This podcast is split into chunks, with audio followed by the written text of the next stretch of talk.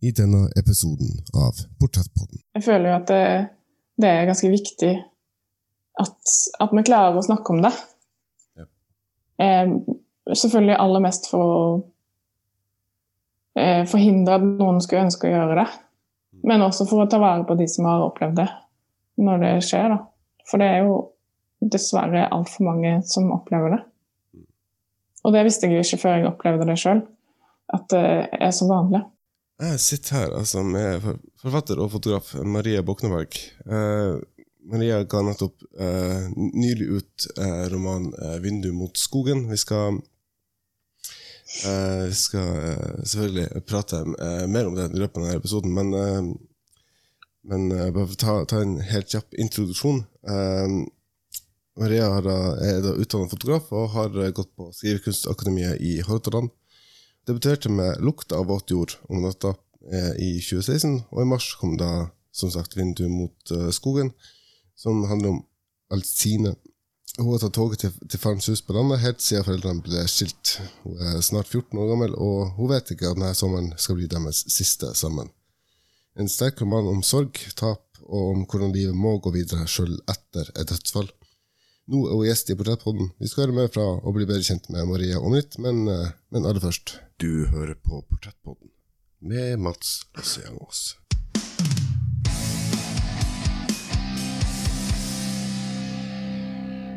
Det stemmer. Du hører på Portrettpodden. Podkasten hvor jeg intervjuer mennesker som inspirerer meg, som får meg til å tenke, og som hjelper meg å forstå mer av verden jeg lever i. Mitt navn er Mats Lassiangos, og sammen med min gjest, forfatter Maria Bokneberg, skal vi være stemmene i hodet ditt den nærmeste timen. Maria er bosatt i Bergen og debuterte med romanen 'Lukta av våt jord om natta' i 2016.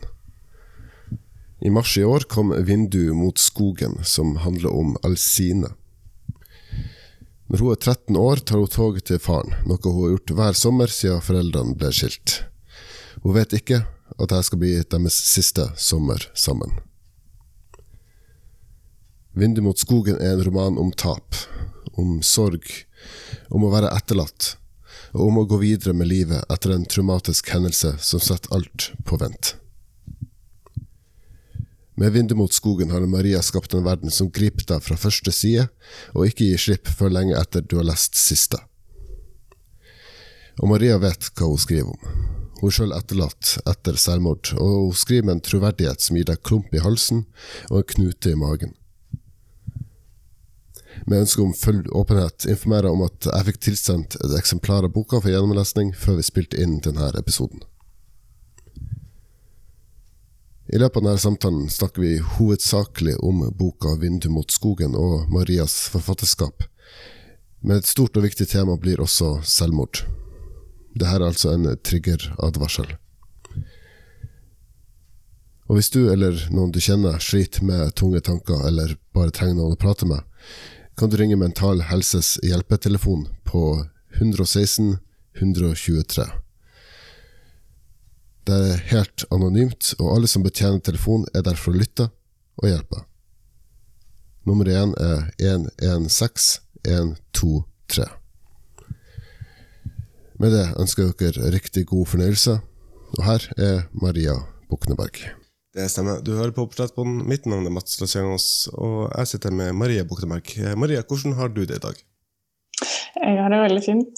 Eh, I dag har jeg skrivedag, så da er det veldig deilig å ja, kunne styre dagen selv og ja, ja, være her. ja. Fint også. Jeg tipper du får skrivespill, så kan jeg distrahere deg en time. Ja, ja, ja. Um, jeg ble først uh, kjent med, med, deg som forfatter uh, via uh, 'Vinner mot skogen', som, som, anbefales på det, det aller varmeste for alle som hører på. Um, men som jeg også sa i introduksjonen, så eh, debutromanen eh, var det eh, lukta av eh, våt jord om natta. Eh, den handler om en mor som er død, og denne eh, boka 'Vindu mot skogen' handler om en far som er død. Eh, så det er alvorlige temaer du tar for deg, i hvert fall. Ja. ja. Eh, hva, hva er da eh, den, den, den utløsende faktoren for at du eh, da velger å, å skrive om, om, det som fortsatt er et stort tabu i, i samfunnet? Eh, det er fordi jeg har opplevd eh, selvmord i nær familie sjøl. Så det er med utgangspunkt i det. Og ønske om å si noe om det å være etterlatt. Mm. og behovet for å uttrykke meg. Og så, så, ble det på en måte et omdreiningspunkt som var vanskelig å unngå når jeg hadde lyst til å skrive. Mm. Det mulig jeg har litt så kynisk eh, blikk på det, men, men, ofte når jeg leser litteratur eh, om, om, om uh, dødsfall og, og og selvmord, så blir, blir uh, gjerne litt, litt dramatisert uh, og romantisert for at uh, ja, altså det går på, går på, bekostning av historier for at det skal bli mer sensasjonelt og, og selge mer. men det, det synes var veldig fint i denne boka, at det, det blir veldig Altså, det, det, blir Du får veldig den følelsen som, som leser av at uh, forfatteren vet hva hun prater om. Det, det, det gjør du jo, da. Uh, uh, tydeligvis. Men, men det, du får liksom den du, du, du, får ikke det veldig romantiske blikket på det. Du du får faktisk det, det, det å være etterlatt. Det, det, går ikke over selv om begravelsen er ferdig. Liksom. Nei, det gjør jo aldri det. Man lærer seg å leve med det. det Mm. Uh, så skal ikke uh, nødvendigvis uh, starte på veldig vanskelige tema, men uh, hvis vi snegrer oss litt inn, på det og, begynner med altså, hvordan, hvordan finner du den, den balansen mellom å, å skrive om vanskelige ting uten at det blir sjølutleverende? Hmm. Det er vel litt fordi jeg er veldig glad i litteratur og har veldig lyst til at det skal være en opplevelse å lese. Jeg liker veldig godt det sjøl. Um, ehm, så selv om det er forankra i mitt eget, så har jeg ikke veldig behov for å fortelle min historie eller, eller si eh, Fortelle direkte én til én hva som skjedde med meg. Um, og så ser jo jeg veldig lyst på livet, så derfor tar nok det med inn også. Mm. Eh, det blir en slags balanse i det eh, at ja, det, livet er hardt, og livet kan være helt forferdelig tungt, men, men det er også mulig å glede seg over god litteratur og eh, ja, andre gleder i livet selvfølgelig også, men at eh, Jeg føler at eh, det var viktigere for meg å fortelle noe om det som kjennes sant, enn, enn å lage det til en sensasjon. Og det, og det, tenker jeg også at det er en viktig ting i forhold til at selvmord er så vanskelig å snakke om, da. At det, det ofte blir fremstilt som at enten så er det ja, en sensasjon på den måten at noen som ofrer seg, eller, eh, eller noen som eh, blir sett på som stakkarslige. Altså, det er så mange måter å gjøre det til noe som det ikke er, da. Uh, selv om det finnes så uendelig mange måter å være uh, være i verden på. Um, men jeg føler at det er viktig å, å snakke om selvmordet som, som, et valg, selv om det som regel er tatt på bakgrunn av at man ikke vet alt. Um, ja. Jeg vet ikke om jeg svarte på spørsmålet ditt. Puben i det store industrilokalet var stinn av svette kropper. Musikken pumpa rytmen ut i en jevn puls som fikk oss alle inn i samme takt. Jeg sto ved baren med en øl i hånda, bassen slo i brystkassa. Amanda og jeg var ofte der på søndagene for å forlenge helga. Nå kom hun tilbake fra toalettet og tok med seg ølen sin ut på gulvet. Afroen hennes stuva. Hun dansa alene, så ut som hun nøt det. Jeg kjente meg svimmel, holdt et godt tak i bardisken. Kanskje var det alkoholen, eller det røde lyset som sveiper over ansiktene der ute. Jeg gulpa i meg de siste slurkene, men fikk ølen i halsen da jeg plutselig så pappa på dansegulvet. Han svaia rytmisk til musikken, med hendene i lomma og ansiktet løfta, som om han prøvde å si Se på meg nå, er det ikke bra? Han hadde vært død og begrava i tolv år, og det å se han sånn, mer levende enn jeg kunne minnes, fikk det alltid til å risle kaldt gjennom kroppen. Ikke at det var en vanlig hendelse, men jeg hadde hatt denne typen syn før. Så om han kom for å si hei, husker du meg? Sånn omtrent på den tida han døde. Jeg var uforberedt. Det var fortsatt flere uker til årsdagen. Det var snart juni, og mai hadde vært usedvanlig varm og tørr. Det var ingen som la merke til det. Pappa smilte, stoppa og vinka meg til seg, men jeg holdt meg i ro. Tok noen dype magedrag. Jeg svelgte så snudde han og var borte.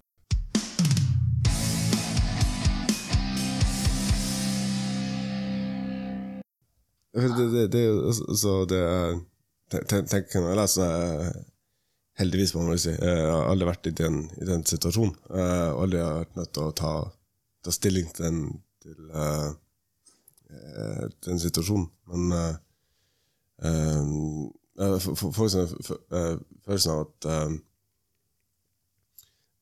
så, selv, om vi altså, i, i, i, boka da følger en, en, veldig konkret situasjon selvfølgelig med, med Alsine, uh, så for det, det, det, ligger veldig mye uh, potensial i, mot, mot, slutten av boka som, som viser at det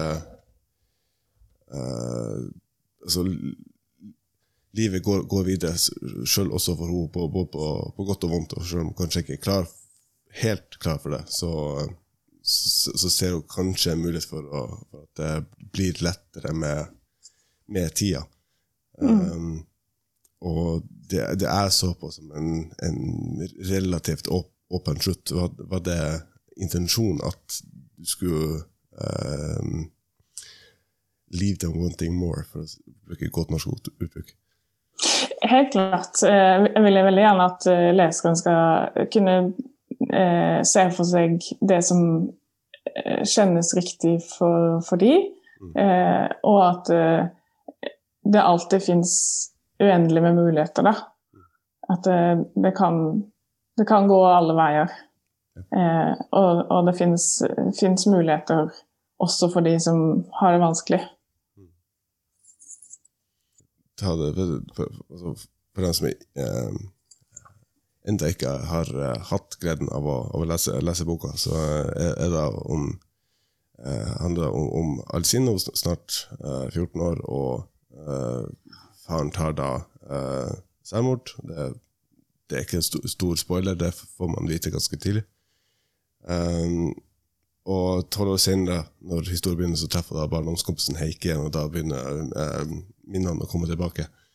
Uh, um, hva har vært det, det vanskeligste, eller mest utfordrende aspektet med å skrive denne boka? Eh, det vanskeligste var vel å forme karakterene sånn at de blir troverdige. At de føles ekte, og eh, at man får lyst til å bli kjent med dem. Mm. Mm.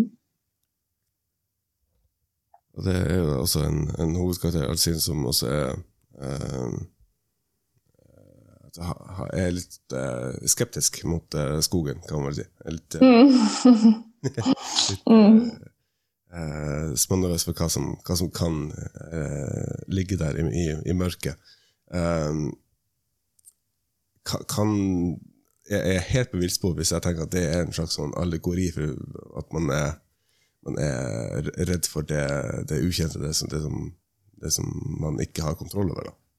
Nei, absolutt ikke. Det, det er helt uh, intendert at skogen skal være et bakteppe på en måte til hennes uh, uh, følelsesliv og, og kamp for å, å finne veien i livet.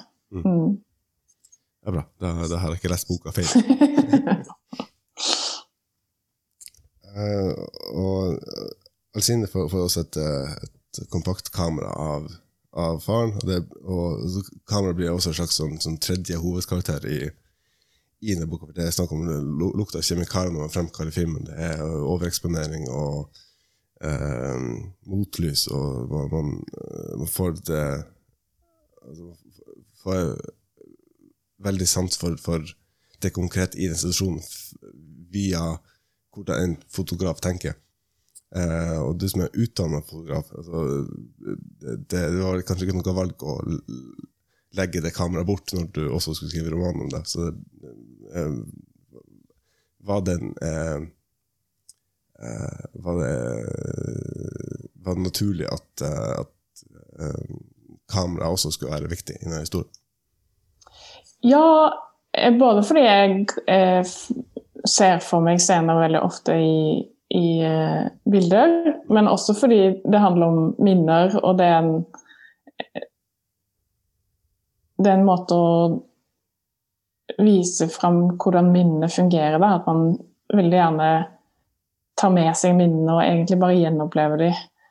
De forandrer seg, men, men du har de alltid med. Så selv om du ikke har det bildet, så vil, vil bildet alltid finnes på netthinnen, på en måte. Det vil alltid være en del av deg. Mm. Mm. Det, det syns jeg eh, er så fint, fint når jeg le- leser boka. Det dukker selvfølgelig opp eh, eh, bilder i hodet. Man lager sine egne bilder som man leser, selvfølgelig. Men, eh, men det dukker også opp det sånn, sånn eh, eh, småting som, som jeg har tenkt på fra barndommen, f.eks. Fordi mange ting jeg ikke husker. Som jeg, hvis jeg ser bilder av det, så husker jeg akkurat Mm, mm. destinasjonen når bildet ble tatt, ikke nødvendigvis alt som havner rundt det. Um, men eh, altså et, et bilde kan, kan også uh, fremstille en situasjon og gi et, eh, et, et, et minne om noe som man uh, kanskje uh, for, for si på en måte, altså man, man, man husker de gode tingene som skjedde akkurat når det ble betalt, man husker ikke nødvendigvis den krangelen som kom fem minutter etterpå. Mm. Mm. Um, så um, for å nærme oss litt mer på, på, på fotografi, da, så hva, hva er da det mest magiske øyeblikket for deg da, når du ser gjennom uh, gjennom linsa og, og komponerer bilder? Hva, hva er det den, den største følelsen av at uh, det her, uh, altså det her kommer til å, jeg kommer til å leve for alltid. Her kommer, jeg kommer alltid til å forevige det her øyeblikket. Så hva Jeg roter meg litt bort der. Men jeg. Eh, hva, altså, For å konkretisere et spørsmål som kanskje blir litt lettere å, å, å svare på um, Hva er et konkret eksempel på den største kjærligheten du har til fotografi? da? Det handler jo aller mest om å skape noe utenfor seg sjøl, på samme måte som skriving er det. Mm. Eh, og det er jo derfor jeg ikke tar så mye bilder lenger, fordi jeg heller vil skrive. Ja. Fordi jeg føler at jeg får uttrykt meg bedre. Jeg klarer å, å fange følelsene bedre. Og, og gi noe til leseren, i dette tilfellet, da, men eh, til betrakteren. Eh, men for meg eh, å lære å fotografere, så syns jeg det aller gøyeste var når jeg klarte å ta det bildet, og så ble det sånn som jeg hadde sett for meg. Mm. For det tok jo ganske lang tid. Ja. Fra å liksom rette kameraet mot noe til at bildet faktisk ble sånn som det jeg hadde lyst til at det skulle bli. da. Mm. Det krevde jo en del øvelse. Ja. Um, så det var veldig gøy når, når det var mulig. Mm. Mm. Jeg er, så jeg, jeg, jeg er veldig glad for at vi har digitalkamera og Photoshop og sånt. Ja. Jeg, så, når jeg prøv, skulle prøve å ta, ta bilder som, eh, som, som eh, barn på ferie, og da fikk, fikk jeg noen eh, akutt uh, parkinson. Og ja, gleder seg tre uker til at uh, bildene skulle bli fremkalt, og så se, ser du bare sånne små sånn spøkelsesaktige skygger av noe som kanskje kunne uh, forestille familien din. Ja. Uh, Mestringsfølelsen var ikke så veldig høy, skal jeg innrømme. Men, eh, men man har også et slags sånn romantisk bilde av, av fotografer som står i mørkerom og fremkaller film med, med alle de forskjellige kjemikaliene. Og, så er, er du da Foretrekker du å fremkalle bilder sjøl, eller eh, liker du å ha det på, eh, på en PC og digitalt, og du kan slette og, og redigere med en gang? Nå er jeg veldig glad i det digitale, helt Mm. klart. Eh, eh, hvis jeg skulle gått tilbake til, til film eh, igjen, så måtte det være fordi jeg liker prosessen. Mm. Eh, og at det er en fin aktivitet. Ja. Mm. Eh, nå tar jeg jo ikke så mye bilder lenger, så nå er det mest for å huske tilbake og bevare minner fra ferier og sånn. Mm. Mm. For det er jo så Jeg, jeg, jeg syns det var, uh, var morsomt sist gang jeg var uh, i en situasjon hvor det ble tatt bilder, men da også med, med polaroid. Jeg har Mm. Eh, et halvt dusin eh, veldig utålmodige eh, 30-åringer som er vant til at alt går veldig fort. Og sånn at du står i fem minutter og venter på, på, på, på de som blir fremkalt. Det var en, eh, en studie i menneskelig atferd. eh. Eh, du, du har eh, nevnt tidligere også på, på hjemmesida at eh, du så på forfattere som slags som guder, som visste automatisk hva de, hva de skulle gjøre, og hvordan de skulle skrive. Og, eh, så før du da kommer til punktet at du sjøl er utgitt forfatter Uh, um, hvordan, hvordan så du på den utfordringa å skrive bok? da? Altså, så du på det som det her er noe som andre får til, det her, det her skal ikke jeg gjøre? Eller bare sånn, er bare rent praktisk sette seg ned og skrive? Um, det gikk veldig fort fra jeg uh, følte behov for noe annet enn fotografi, til jeg kom inn på Skrivekunstakademiet. Mm. Um, og det ga meg på en måte nok boost til at jeg skjønte at det er mulig. Mm. Og da bestemte jeg meg bare for at det skal gå. Om det tar tre år eller ti år, så skal det gå. Mm. Eh, men, men det har jo vært hardt å stole på at det er mulig likevel. Så jeg har jo jobba veldig masse med det. Ja. Um, og kanskje aller mest det å tillate seg at det ikke er fantastisk med en gang det kommer ut. Mm. Og tillate seg å skrive innmari dårlig. Ja. Fordi det går an å redigere. Det gjør jo det. Ja. Hel, hel, hel, Heldigvis. Ja. Jeg hadde faktisk ikke sett Heike siden den siste sommeren hos pappa. Jeg var 13, snart 14 år. Pappa venta på perrongen. Sto foran teglsteinsbygninga da toget glei inn på stasjonen. Jeg så han fra den lille ruta i togdøra. Han speida mot vognene, så litt forvirra ut. Mamma hadde sendt meg ei stor matpakke. Jeg hadde ikke rørt brødskiven, bare drukket opp brusen og gnagd ferdig eple. Turen tok bare et par timer, men jeg tror mamma likte å stå foran brødfjøla og spørre hva jeg ville ha på maten. Nå sto jeg der og venta på å forlate toget, med kofferten ved sida av meg, bagen over skuldra og epleskrotten i den ledige hånda. Jeg hadde ikke funnet noe sted å kaste den. Mamma mente jeg ikke burde dra. Hun hadde sagt det flere ganger, og da hun kjørte meg til toget, sa hun at jeg måtte ringe hvis det var noe, så skulle hun komme og hente meg. Men hvorfor skulle jeg ikke dra? Jeg hadde alltid vært der om somrene etter at han flytta fra oss. Da døra gikk opp, slo varmen mot meg, og sola svei i øynene. Jeg gikk rolig bort til pappa. Han ga meg en klem, spurte om reisa hadde vært fin. Kikka varmt på meg. Jeg sa ja, det hadde den. Han tok fra meg epleskrotten og putta den i munnen. Tygde den i seg. Gresset langs veien var brunt og vissent. Svetten rant i nakken. Pappa holdt kofferten min i hånda. Jeg traska etter han, pekte på markjordbærene, plukka et strå som jeg gikk med mellom tennene. Pappa så stort sett ned i asfalten. Jeg sa at jeg hadde savna han. Han sa han hadde savna meg òg. Jeg slapp bagen i bakken og gjorde et lite byks opp på en stein. Da så han på meg, granskende, som om han prøvde å forstå noe. Det, det er jo sånn, noe som, som stopper meg sånn, når jeg prøver, prøver å, skrive kreative ting. Jeg tenker at uh, jo, det her, det her, blir bra med en gang, og så kan jeg bare sende det fra meg. Uh, så blir det ikke nødvendigvis sånn jeg hadde forestilt meg det. Og da, da tenker jeg da, da lar jeg det bare være. Så jeg, jeg mm. gir veldig fort opp, da.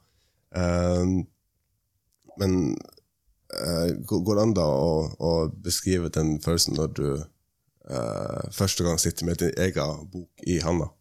Altså, jeg ble jo helt, uh, Det som var litt morsomt, var jo at jeg jobba i bokhandel, så jeg pakka opp min egen bok og la den på bordet. og solgte den over disk. Eh, det var, det var helt fantastisk. Var, mm. jeg, fikk, jeg fikk hjerteklapp, helt klart. Det var, det var helt vidunderlig. Mm. Får jeg noen, noen, reaksjoner fra publikum, fra andre kollegaer som tenker at uh, sitter bare her og pusher dine egne bøker? eh, nei, de fleste syns det var helt sånn merkelig å møte forfatteren i bokhandelen. Oi, står du her, liksom? Men, men uh, det er ganske vanlig, tror jeg, å ha en jobb ved siden av. mm. Jeg tror de, de, de, fleste, selv om de kanskje ikke vil innrømme det, har sånn, slags sånn stereotypisk bilde av en forfatter som, som sitter uh, omgitt av tomme vinflasker på veldig lite kontor, og eh, fullt askebeger, og unger som skriker på andre sida av av låst dør, selvfølgelig. Ja. Eh, så det, det, at du da jobber i bokhandel og er da omgitt av, av god litteratur, gjør, former det også ditt forfatterskap, og at du, du har såpass eh, nær tilgang til inspirasjonskilder. Nå jobber jeg ikke i bokhandel lenger, nå jobber jeg i et forlag. Men, eh, men, helt klart eh, eh, Det er helt fantastisk å, være omgitt av bøker. Jeg, det, det, er noe av det jeg liker aller best i, i hele verden, det å lese. Mm. Mm. Når du da jobber i, i, i forlag, så får man kanskje ikke nødvendigvis uh, innsyn i, i, hele prosessen, men man får kanskje et lite blikk på den andre uh, enden av det å lage bøker. Uh, mm. så, har du da noen gang fått appetitt på det å, å ikke nødvendigvis være forfatter, men også da jobbe, jobbe med, med, den andre sida av, av å gi ut bøker? Ja, jeg syns det er kjempegøy å, å, redigere tekst, også andres tekst. Eh, nå jeg jobber jeg i forhold hvor det er mest oversatt, så det, det er ikke så mye jeg jobber sammen med forfatteren. Okay. Eh, men, eh, men sånn som, som, mentor så syns jeg det er kjempegøy å hjelpe folk å lage gode setninger og spørre gode spørsmål, sånn at de får lyst til å grave i hva det er de vil si. da. Mm. Mm.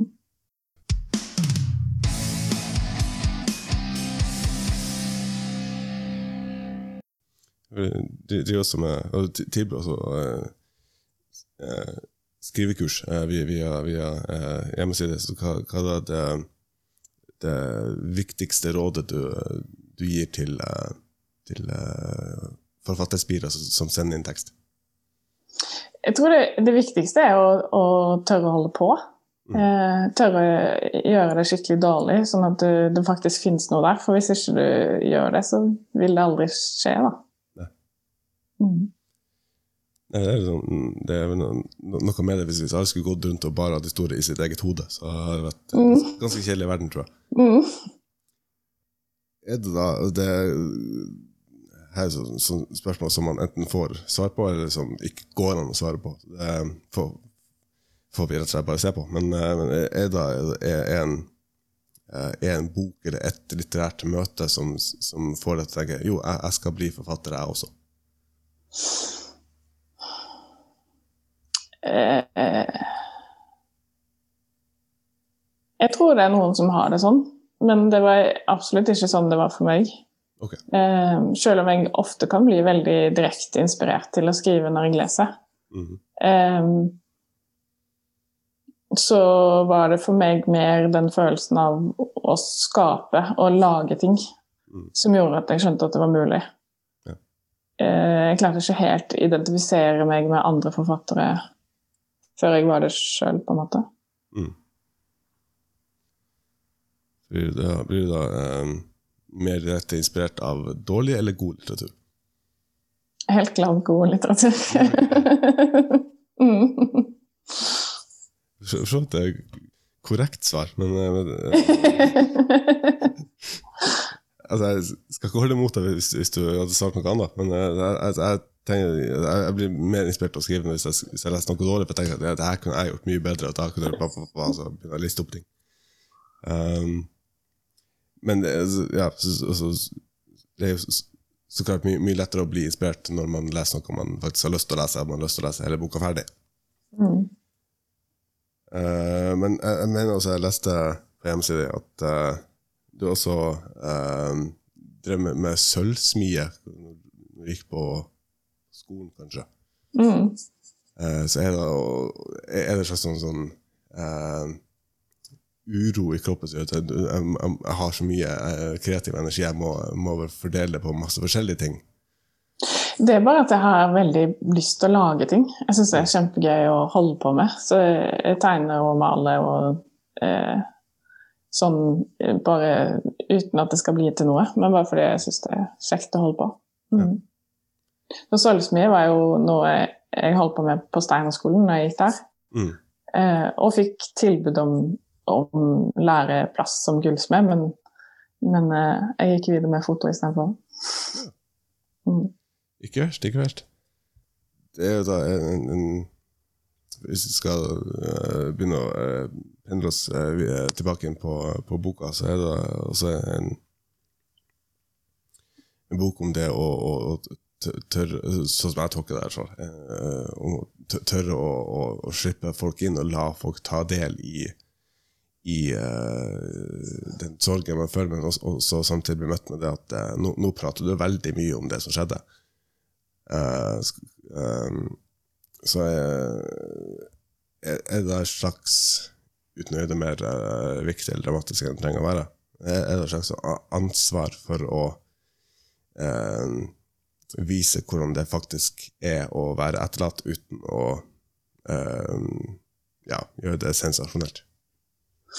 Ja, jeg opplevde i hvert fall det å være etterlatt som, som litt for mye for folk. At, det, at det kunne være litt, eh, litt for, eh, for direkte. Det er ikke alle som syns det er noe særlig å snakke om verken døden eller selvmord eller det som er ubehagelig i livet. At det, um, og det er helt lov, tenker jeg, eh, å ikke ha lyst til å snakke om det. Men, men for den etterlatte så kan det føles veldig begrensende, da, og også veldig uh, følelsen av at man ikke har lov å sørge, eller ikke har lov å sørge på den måten som man sørger på. Og det er jo helt vanlig at det for den etterlatte tar mye lengre tid enn for resten av verden på en måte å gå videre. Ja, det, det tror jeg det de aller fleste som har vært gjennom en, en sorgsituasjon, hva, eh, hva, hva enn det må, måtte ha vært utløst av. Man Mm. sitter igjen med følelsen av at eh, det, altså, livet går videre, det vet man, og det er jo en klisjé, men det, jeg er ikke helt klar for at det skal gå videre ennå. Altså, det er, er ikke helt klar for at det skal være helg, og vi skal ha det gøy, og det skal være bit for bit på TV-en ennå. Mm. Um, og det, det syns jeg er ve- ve- veldig fint uh, for, formidla i denne boka, og det at man, man har veldig mange gode uh, minner tilknytta en person eller en tid i livet, som eksempel Sine og, og, og Heike. Da. At man det, det sikkert fint å, å reise tilbake til der hvor uh, faren bodde, og treffe han igjen, men da kommer også samme minnet tilbake om at sist gang jeg var, så var faren min fortsatt i live. Så, um, så hvordan uh, Uten å gjøre det for, for personen, for det, det skal du uh, slippe, men hvordan er det for Alsine å uh, måtte bli konfrontert med det da, hele tida? Det er jo på en måte godt for å, å skjønne på at det fins gode minner også. Mm. Eh, og så er jeg jo nok ikke helt ferdig med ting. Eh, ikke at man blir ferdig, men ferdig nok til å leve sitt eget liv. Eh, og ikke være så fange i, i, at han burde ha fått leve mer, da. Mm. Um, så det å komme tilbake for Alstine føles nok i utgangspunktet litt som å rippe opp i ting. Um, men også en måte å helbrede noe på, da. At um, skogen er ikke lenger så skummel og stor. Og sånn sett så klarer hun kanskje også å se at, at sorgen ikke er så overveldende og hard lenger, da. At, at det, det, er vonde ting, men det er også bra å klare å leve med det. Ja, for det er jo også helt banalt praktiske elementer som plutselig dukker opp når, når, noen går bort, at man, man må selge huset deres og uh, fordele tingene deres og, og, arv. Det kan også uh, lage sin helt egen helt eget sirkus med følelser og krangling og diverse. Mm. Um, men så også uh, skriver jeg boka for å uh, uh, feilsitere litt. Altså at det, det hun har siden så på som en svær foss når hun var barn, uh, egentlig er bare en liten bekk når hun kommer tilbake som voksen. Uh, som får et veldig annet perspektiv på ting når man blir eldre og får, får litt avstand til ting, hvis det er lov å si. Mm. Um, men uh, hva, hva, er da Hva, hva var det, det, viktigste for, for Maria som forfatter å uh, formidle til Alsine som karakter.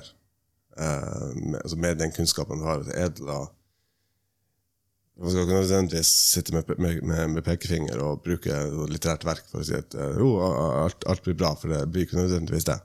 Mm. Uh, hva, hva, var det viktigste du ville for, formidle gjennom den reisa hun gir seg ut på? Aller mest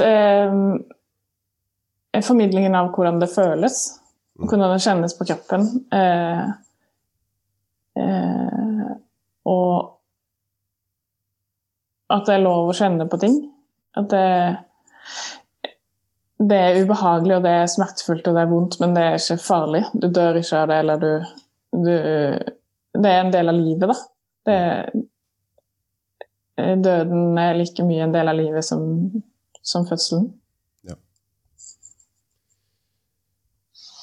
Det, dessverre et uh, faktum som jeg sier på godt norsk. Every day someone's born to die. Mm. Unnskyld. ja, man kommer ikke ut, utom det, selv om man kanskje helst skulle, uh, skulle sluppe. Uh, men det er så, så, som sa, sa tidligere, bare plukke opp det poenget der, altså det er kanskje ikke det største uh, partytrikset å sitte og prate om, uh, om død og selvmord uh, på, på, fest. Det er kanskje ikke det som får festen til å sparke i gang på et nytt nivå. Men, uh, men det, det, er også ting som er veldig viktig å, å prate om. Så hvordan, hvordan, får man utløp for det på en, på en sunn måte, uten at man bruker sine egne venner som psykolog? For det skal man heller ikke gjøre. Jeg tenker at uh, man skal velge sine uh, lyttere med omhu, holdt opp si. Altså, uh, det er ikke alle som tåler det, og det er ikke alle som mm, har noe hyggelig å si, på en måte. Men, men som, for min del så var det veldig viktig å ha mange steder å gå. Altså, I tillegg til kjæresten min så hadde jeg en sorggruppe og familie og andre som har opplevd det samme. Det er veldig viktig for å føle at det var plass til hele sorgen, da. Eh, at det går an å fordele det litt utover. så det er ikke, det er ikke tynger bare én person med alt. Så. Mm. Det, det, det, høres ut som en uh, veldig god idé å kanskje ikke, ikke legge all bagasjen på, på én person. Mm. Fordele det utover. Um, er det også en, en uh, merker at jeg beveger meg inn på, på tema som, som, kanskje kan være vanskelig å prate om, så bare si fra, så hopper vi videre. Men uh, er det også uh, litteratur, det, det, å skrive litteratur, det er også en, en form for um, helbredelse i en sorgprosess? Eh, nei, jeg vil si at det gjorde det nesten verre. Særlig den første boka gjorde det egentlig bare verre å gjenoppleve det. Eh, men men det jo, blir jo på en måte en bearbeidelse ut av det, da. At, mm. uh, fordi man tenker på det, fordi man formidler noe om det, så klarer man også å tenke på hvorfor man føler som man gjør, da. Og det, gjennom den refleksjonen så, så blir det en slags bearbeidelse av det. Selv om det ikke var derfor jeg begynte å skrive om det, uh, så blir det på en måte en en bieffekt av at man klarer å sette ord på ting, da. Mm. Mm. Som den, altså det, debuten man også um, om uh, vanskelige tema. Mor, mor, mor er død, hvordan kom man videre etter det? Um, det er, for, for, mange er det sikkert uh, skummelt nok bare, bare det å vite at man skal, skal debutere med en roman, men eh, føles det eh, ekstra eh, spennende eller, eller, skummelt å vite at man skal debutere med en roman om et veldig viktig tema som, som mange ikke ønsker å prate om. Eh, for meg så var det kanskje mer motsatt, egentlig. Fordi det har vært så stor del av livet mitt at det, det føltes godt å å, vise det fram at det også fins. Mm. Eh, og at det, det betyr ikke at jeg er en svart, eh, negativ person som bare snakker om døden. Men, men, det går an å, å, si noe om selvmord og død eh, som gjør at det er mulig å leve med det, da. Mm. Eh, for det er jo Jeg føler jo at det, det er ganske viktig at, at, vi klarer å snakke om det. Ja. Eh, selvfølgelig aller mest for å eh, forhindre at noen skulle ønske å gjøre det. Men også for å ta vare på de som har opplevd det når det skjer. da. For det er jo dessverre altfor mange som opplever det. Og det visste jeg ikke før jeg opplevde det sjøl, at det er så vanlig. I overkant av 600 personer begår selvmord i Norge hvert år. To av tre er menn. Under pandemiåret 2020 ble det registrert 639 selvmord. Det er fremdeles et av de største tabu i våre samfunn i dag, og det er grunn til å tro at det er store mørketall. Dessverre en, en altfor stor uh, statistikk i uh, ikke bare Norge, men, men uh, overalt. men det er også altså, Hvis jeg som ikke har noen personlig erfaring med det, diskuterer eh, selvmord med venner og bekjente, så eh, kan man nesten stille klokka etter at i løpet av fem eller ti minutter så kommer argumentet at det de som gjør, er bare fake. Mm. Um, det er jeg for så vidt ikke enig i, bare for å ha det sagt med en gang. Men uh, hva, hva, er da uh, dine tanker om, om det argumentet når det først dukker opp? Jeg syns det der er kjempevanskelig, for, jeg, for da lurer jeg på eh, feig, feig for hva da, på en måte? Fordi er det, er det heroisk å leve med forferdelig eh, smerter og Selv om den er psykisk, så er den like reell. Eh, så, så, jeg skjønner ikke helt konseptet, nesten, med å si at det er feilt Fordi det er akkurat som, eh, som om hvis du, hvis du, tåler å leve i et forhold som er forferdelig, så er du mer heroisk enn å gå. Liksom. Det, det, er bare det, det, stemmer ikke i mitt hode, da. Selv om det ikke burde være løsningen, eller det hadde vært det beste om man klarte å finne en annen løsning, så, så, så føles det veldig rart å kalle det for feighet. Ja, det, det er et, et, annet argument som, som også eh, dukker opp når, jeg diskuterer sjøl. Og, og, igjen, hvis du ikke vil svare, så er det helt i orden. Men eh, eh, mange det, kontraargumenter til at det er uh, i hermetegn fake. Også det at uh, mange med at det, ville vært bedre hvis de hadde fortsatt å leve. Selvfølgelig hadde det. Um, men er det da bedre for den personen som har det veldig vondt, å, å leve videre, eller er det bedre for de etterlatte om de hadde levd videre? Du skjønner hva jeg mener? Um, ja, altså, jeg tenker at uh, man Det blir veldig rart å si at det er en løsning, men mm. Og det er det jo på en måte ikke.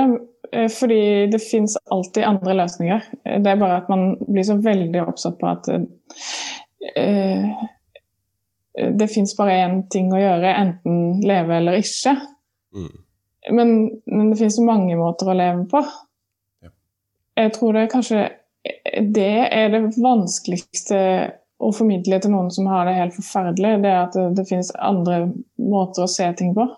Mm. Um, Og det at uh, jeg, vet ikke, jeg, føler ikke for å liksom dømme noen for å leve for noen andre heller. Jeg, jeg, tenker at det er ikke det verste du kan gjøre, liksom. Men um, Jeg syns absolutt ikke at det er egoistisk å ta sitt eget liv. Det, det handler om mm, verdier og hvordan man ser på livet. og og hva man klarer å finne ut av da, mens man er i en vanskelig situasjon. Og det tenker jeg at det går an å lære noe om mens man vokser opp. Da, at det, at det finnes alltid alternativer. Uansett hva du opplever, så er det mulig å se det på en annen måte. Og det er utrolig ubehagelig å leve gjennom det. Men jeg tror at det er, det er, mulig å snakke om disse tingene, sånn at vi kanskje også ja, klarer å, å, si til hverandre at det, ja, men hvis du vil gjøre ting på en annen måte, så kan du det. Det er lov. Det er mulig. Jeg drømte at jeg gikk ut av en bil. At det var damp rundt meg, tett som ei tåke. Jeg brettet opp kragen på jakka, orienterte meg. Vannet fordampa, og huset Epletreet kom til syne. Treet var støtt opp av vaiere. Huset virka forlatt, men på ovnen putra ei gryte. De skitne vinduene var gule, innpakka i filmen av skitt. Alt var dekka av sand og støv. Pappa sto med ryggen til. Plutselig snudde han seg og kom styrtende mot meg. Jeg våkna med et rykk. Et avtrykk av treet og verden jeg var i, et minnebilde i hjernen. Jeg slo av vekkerklokka som ikke hadde ringt ennå. Gardinene blafra i morgenbrisen. Opprørt over at pappa var tilbake som mareritt, la meg til rette under dyna igjen. Bildene fra drømmen hadde fått minnene til å svirre. Du tror altså at um, um, på, på, ingen måte uh, en, en autoritet på, på temaet. Men jeg tror, altså at det uh, Det er veldig vanskelig å prate om for, for, fordi det er et slags sånn tabu i samfunnet. Man, man, har ikke nødvendigvis det, det kollektive språket til, til å prate om det. Mm. Um, prøve å vende inn på litt hyggelige ting, uh, om ikke så altfor lenge. Men uh, uh, hva, hva mener du da er noen verktøy man kan benytte seg av for å bryte, bryte ned det tabuet? Jeg tenker at det å si at det fins, er, er kjempeviktig. Um, og, også, og kanskje også ikke dømme folk så innmari etter um, hva som er feigt, og hva som er lov, og hva som er riktige ting å gjøre. Um, og tørre å snakke om de vanskelige tingene, selv om man kanskje ikke alltid har ordene. Det, eh, jeg tror det er bare å prøve seg fram og si, snakke om ting med folk man stoler på. Eh, uten at det trenger å være en offentlig samtale, men vi må jo selvfølgelig ta en offentlig samtale også, men hver enkelt kan snakke med, med de man stoler på. Mm. Og at eh, selv om man ikke vet akkurat hva man skal si, så bare det å si at man føler noe eller man tenker på noe, tror jeg er kjempeviktig. Mm. Eh, Så lenge man kommer fra et, et, et sted hvor man genuint ønsker å, forstå og, og, og prate om et tema, så tror jeg ikke man kan si så veldig mye feil. Nei, akkurat. Mm. Som jeg, var inne altså, jeg tolker eh, slutten i, i denne boka, uten å avsløre den, som eh, åpen nok, for det gir, gir rom for muligheter til at eh, karakterene kan, kan leve videre og, og finne på, på nye ting. Um, hva er da er veien videre for, for Marie som forfatter? Hva, hva, er, hva er neste prosjekt på horisonten? Eh, jeg jo spurt om det på lanseringen min, om, kom, om den neste boka kommer til å bli lys så lett, og det tviler jeg på, dessverre. Eh, Selv om jeg har veldig lyst til å skrive noe annet, eh, bare fordi at jeg kan. eh, eh, Og at det hadde vært kjekt å fordype seg i det og et annet tema. Men akkurat hva det blir, det, ja, det lar jeg være å gå inn på, tror jeg. Jeg prøver å holde det åpent så lenge som mulig. For etter første boka så var jeg så innmari oppsatt på at nå må jeg klare å skrive en bok til. Mm. Og det var egentlig forferdelig slitsomt. Så nå skal jeg bare tillate meg å hvile litt grann, før jeg eh, bestemmer meg for hva den neste boka skal handle om. Ja. Mm. Vi, vi er da eh, enige om at det blir ikke nødvendigvis eh, enhjørninger og My Little Pony. Det blir, eh, eh, ikke nødvendigvis Jeg tviler. mm. Det syns også er, er, er fint med forfatter, for jeg vet at når det kommer en bok, ny bok fra deg, så vet jeg sånn noenlunde hva jeg kan forvente meg. i hvert fall. Mm, Det er ja. ikke nødvendigvis ekstremt sprikende sjangerhopp mellom hver, mellom hver bok. Det, det er også fint. Mm. Eh, alltid se, se positivt på ting. Hva, hva har vært uh, uh, største uh, beste uh, eh, m- møte som, som boka di har fått i, i verden? Har også anmeldelser, altså, sakte, men sikkert begynte å komme dem eh, er o- over fjøla eh, veldig positiv. Hva, hva har vært eh, eh, det fineste for deg å få tilbakemelding på? Um, med denne boka så føler jeg at det, det har vært um, Jeg vet ikke. Jeg føler at det har vært litt stille. Men eh, det har jo vært eh, folk som har lest det og syns at det var interessant tema på den måten at, at det går an å snakke om det. da. Mm. Eh, Det går an å lage en fortelling av det. Em, jeg er litt usikker. Eh, Jeg føler at det er litt eh, nytt. Ja. mm. Boka ble lansert 18. eh, mars, hvis uh, researchen min stemmer. Um, og det er ikke så ekstremt uh, lenge siden. Det er eh, fortsatt ga- ga- ganske, uh, ganske ferskt. Uh. Mm, mm.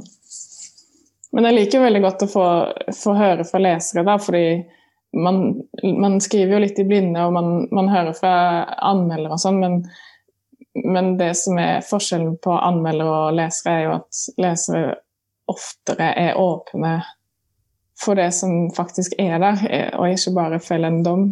Mm. Eh, så det liker jeg veldig godt når lesere eh, sier 'hei, jeg har lest boka di'. mm. Ja, og la oss kalle en spade for en spade, så lesere har lyst til å lese boka, anmelde ja. Få beskjed om å lese boka, så mm. mm. følger vel også synet på det. Um, mm. Og bare, for å sagt det, eh, jeg likte boka veldig godt. Så. Det er veldig hyggelig. um, er det helt, uh, helt på tampen her um, Er det noe du skulle ønske uh, du kunne sagt til uh, Alsina, eller som du skulle ønske Alsine kunne sagt til deg? Hmm.